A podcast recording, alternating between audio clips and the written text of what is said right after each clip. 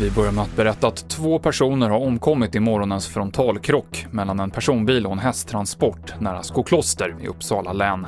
Det är förarna av fordonen, en kvinna i 45-årsåldern och en man i 20-årsåldern, som är döda och en kvinna i 20-årsåldern har förts till sjukhus med ambulanshelikopter.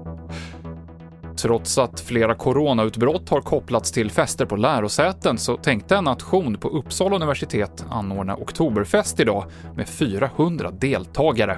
Men nu har evenemanget ställts in, bland annat efter att regeringen och Folkhälsomyndigheten igår uppmanat festande studenter att skärpa sig. Så att jag tycker att det här verkar klokt och ansvarsfullt och eh, det som jag också förväntar mig att eh, kloka studenter också eh, tar ansvar för. Det säger Matilda Ernkrans, minister för högre utbildning och forskning, till TV4.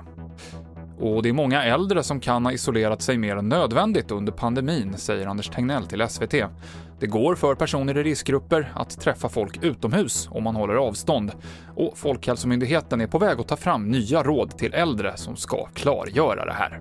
Och det var TV4-nyheterna med Mikael Klintevall.